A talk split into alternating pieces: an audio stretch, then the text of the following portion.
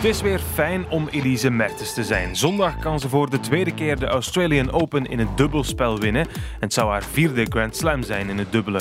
Aan het einde van het weekend, op maandag dus, is ze sowieso ook nummer 1 van de wereld in de dubbelranking. Maar daar horen toch een paar vragen bij.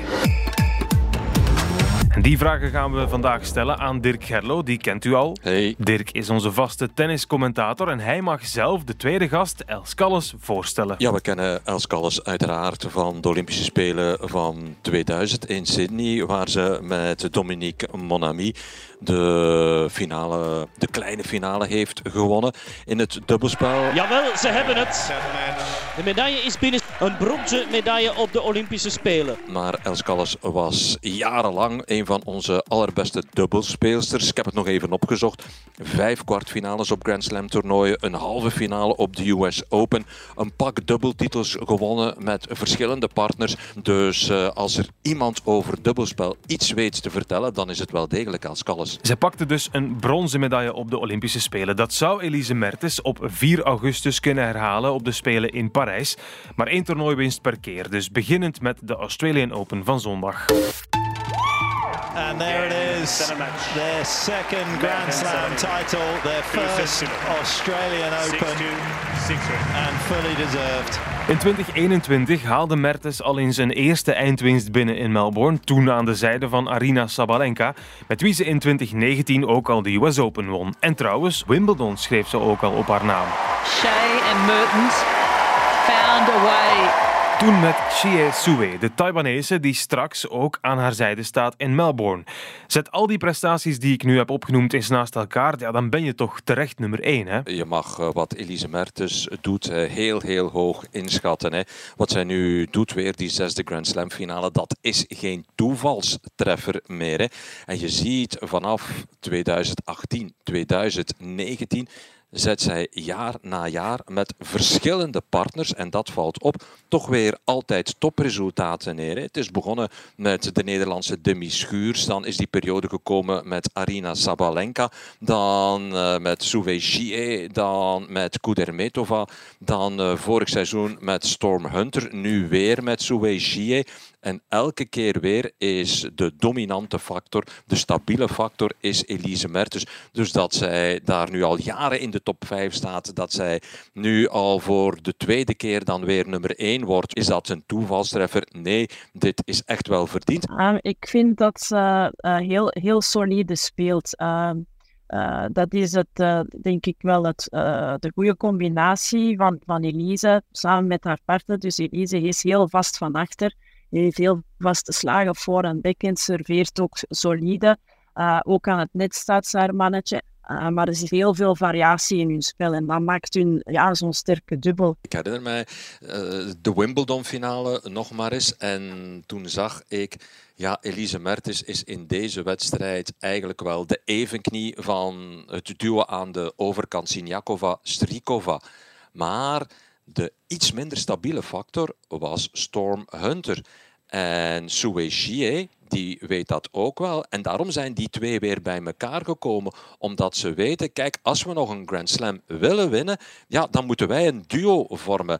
En Elise Mertens heeft nu inderdaad de luxe om de best mogelijke partner te kunnen kiezen. Iedereen komt bij haar terecht. Ze heeft dan ook al 18 toernooien in het dubbelspel op haar naam staan. Al van jongs af aan dubbelt ze veel en ze doet dat ook met volle goesting. Ze houdt ervan. Het is haar En je ziet heel veel spelers die het goed doen in het enkelspel, die zo ook af en toe wel dubbel spelen. Ja, als je nu kijkt, bijvoorbeeld vorig jaar US Open met Gauff en Pegula twee fantastische enkelspelspelers. Maar die nemen dat dubbelspel er ja, ook wel bij, omdat ze het wel eens leuk vinden. Maar de focus is minder dan bij een Elise Mertens.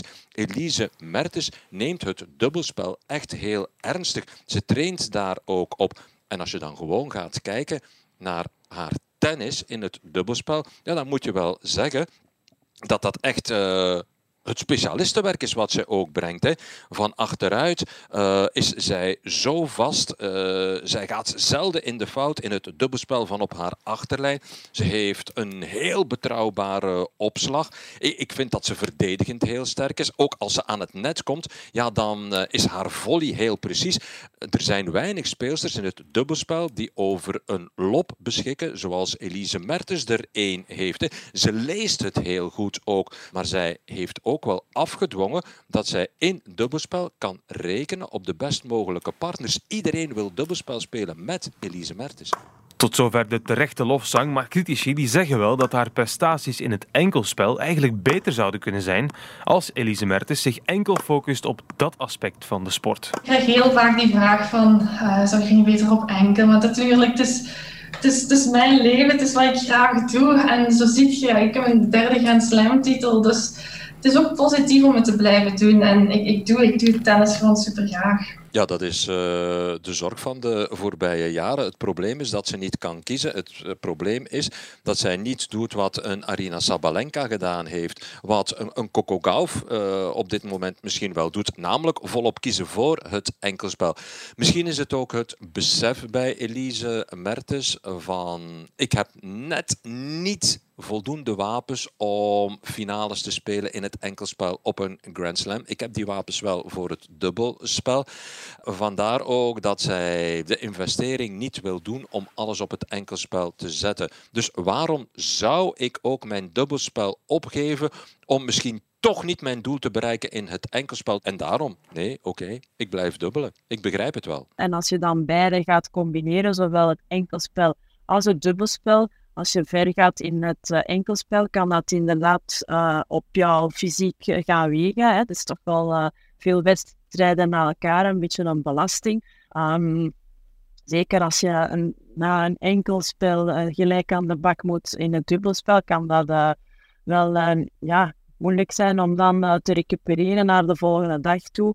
En ja, ik denk dat uh, als je het uh, fysiek aan kan, je kan de beide combineren, is dat eigenlijk uh, ideaal. De boekhouder in Elise Mertens zal ook wel zeggen, ja oké, straks de winnaar van de Australian Open gaat wel naar huis met een cheque. Oké, je moet hem wel delen van 730.000 Australische dollar. Dat is ook niet slecht, dus dat tikt ook wel aan. Um, dat is voor haar een zekere factor. Uh, ja, zeker. In, in de Grand Slams uh, vooral uh, is het prijzengeld echt wel opgetrokken en veel hoger dan in, in de gewone toernooien. Um, en het is ook altijd meegenomen, want je mag ook niet vergeten dat hoe langer je in toernooi blijft, wordt ook je hotelkamer betaald, soms je eten. Dus het is op dat gebied ook nog een beetje een, een extra ja, steuntje in de rug voor, voor de speelsters. Hè. Hoe langer in toernooi, hoe meer dat de onkosten nog geregeld worden uh, voor jou. Uh, en dat maakt dan ook mogelijkheden om je coach mee, mee te nemen, eventueel een, een een osteopaat of een kinesist of een conditietrainer. Genoeg voordelen, ook uiteraard financiële. Maar de motivatie komt vooral uit het plezier en de successen. Zondag dus eventueel een nieuwe Grand Slam erbij en wie weet ook een gouden plak op de Olympische Spelen in Parijs. Wie naar Roland Garros in de top 10 staat op de dubbelranking, die kwalificeert zich voor de Spelen en mag een landgenoot kiezen als dubbelpartner. En onze twee kenners zijn unaniem wat die keuze betreft. Ja, ik denk dat de meest voor de hand liggende keuze um, op papier, uh, denk ik, uh, Greetje Minne gaat zijn, wat zij ook het uh, hoogst gerangschikt staat, denk ik, in dubbel. Op basis van de wereldranglijst, zeer zeker, want dan kom je eerst en vooral uit bij Greet Minne. Greet Minne staat op dit moment op plaats 53 op de wereldranglijst in het dubbelspel. Je hebt Kimberly Zimmerman, over haar wordt heel weinig gesproken. Zij staat op 67 en draait ook nu toch al een tijd mee in dat dubbelspelcircuit. Je hebt Janina Wikmaier die op 73 staat. Dus als je gewoon afgaat op de ranking, Minne 53ste. Ja, dit is de ideale partner voor haar. Het probleem is een beetje of het nu een Greet Minne, of het nu een Janina Wikmaier, of het nu een Kimberly Zimmerman is. Ja, je moet echt wel een team vormen. Je moet ook wel automatismen kweken. En Elise Mertens heeft op het internationale circuit zelden of nooit met landgenoten samengespeeld. Hè. Ik denk dat ze één of twee keer een toernooi heeft gespeeld met Kirsten Flipkes, maar verder zijn het altijd internationale partners geweest. De beste combinatie, denk ik wel, voor Elise Mertens is uiteraard Greet Minne, zeer zeker. Al heeft Greet Minne zich de voorbije toernooien wel verbonden aan Janina Wikmaier als dubbelpartner. Maar de kans dat ons land met twee teams naar de Olympische Spelen gaat, is niet erg groot. En daarom is het misschien ook tijd om stilaan te bouwen aan de samenwerking Mertens-Minne. Er zijn heel veel andere landen die echt wel al heel, heel sterke duo's kunnen brengen in Parijs. Amerika zou kunnen uitpakken met Gauff en Pegula. Australië met Perez en Hunter. Brazilië heeft Stefani met Haddad Maya. We hebben Taiwan met Suejie en Chan. Frankrijk met Garcia Mladenovic. Italië met Erani Paolini. Hongarije met Babos Bondar. Je hebt Canada met Fernandez Dabrowski. Uh, Tsjechië kan misschien wel drie ploegen met medaillekansen op de baan brengen in Parijs. Als je dan weet dat uh, Janina Wikmeijer nog lang niet zeker is van een kwalificatie. Dat Greet Minne eigenlijk ook uh, afhankelijk is van de keuze van een Elise Mertens. Dus ja, dan, dan weet je wel dat eigenlijk vrij snel nu die speelsters moeten gaan praten met elkaar. Daar ligt ook een rol voor de tennisbond, voor het BOIC, om die speelsters al eens samen te brengen en te kijken van, ja, zeg, als jullie willen gaan voor een medaille op de Olympische Spelen, dan is nu het moment zeker al aangebroken om eens te gaan praten. Maar het BOIC moet ook opletten dat het spaarzaam omspringt met de beste tennisser van ons land. We hebben de Olympische Spelen vrij kort na Wimbledon. En Elise Mertens, ja, gaat zij inschrijven of gaat het BOIC haar vragen van Elise, schrijf eens in alsjeblieft voor enkelspel, voor dubbel vrouwen, voor dubbel gemengd. Dan wordt het weer heel, heel zwaar, want onmiddellijk na Parijs is het het Amerikaanse circuit met ook weer de US Open. Dus die kalender die zit zo vol.